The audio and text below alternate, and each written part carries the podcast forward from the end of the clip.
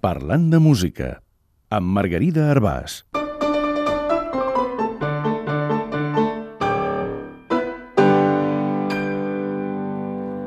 Expressions en ballar. Ballar està molt relacionat amb la música, entre altres coses perquè tant ballar com escoltar música fan augmentar el nivell d'endorfines, unes hormones naturals que en generen benestar. En canvi, en moltes frases fetes, ballar té connotacions negatives. Si ballem de capoll o de corcoll, o estem atrafegats o les coses no ens van bé. Si ballem els goig de Sant Prim, passem gana. Si la ballem magra, la ballem prima, la ballem negra o simplement la ballem, passem privacions o se'ns ha complicat la vida. Si ens fan ballar com un putxineli o com una baldufa, ens manipulen.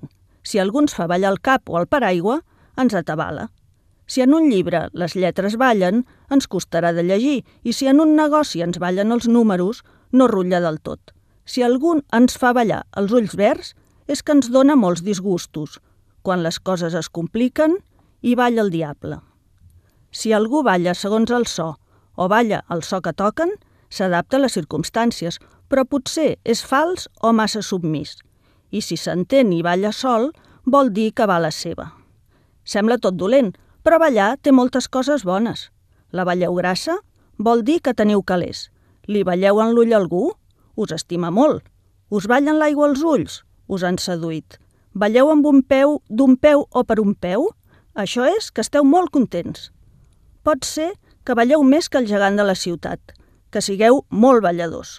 O bé, que quan diuen que algú fa ballar un mort, el mort sigueu vosaltres, perquè no en sabeu gens de ballar. El cas és que si som al ball, hem de ballar, és el que toca. I no oblideu que ballar genera endorfines, per tant, balleu, balleu, que el món s'acaba.